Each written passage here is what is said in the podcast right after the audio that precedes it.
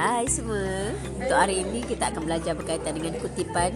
Baik dalam kutipan kita akan mengambil daripada hasil-hasil kerja orang lain. Maksudnya perlu ada satu perhargaan kepada orang yang menulis uh, yang asalnya.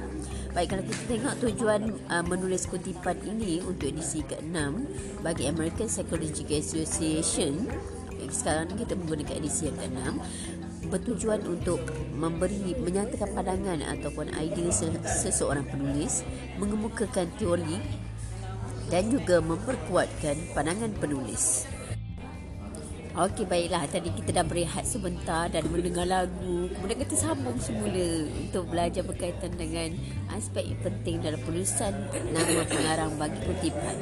Baik kita ada uh, beberapa bangsa kita akan tengok kita tengok Melayu, Bumi Sabah dan Sarawak, Cina, India dan juga termasuklah Barat. Baik yang pertama bagi nama Melayu kita hanya gugurkan bin dan juga benti dan juga kita gugurkan uh, uh, gelaran bagi keagamaan. Kita gugurkan bagi gelaran kritisas dan sebagainya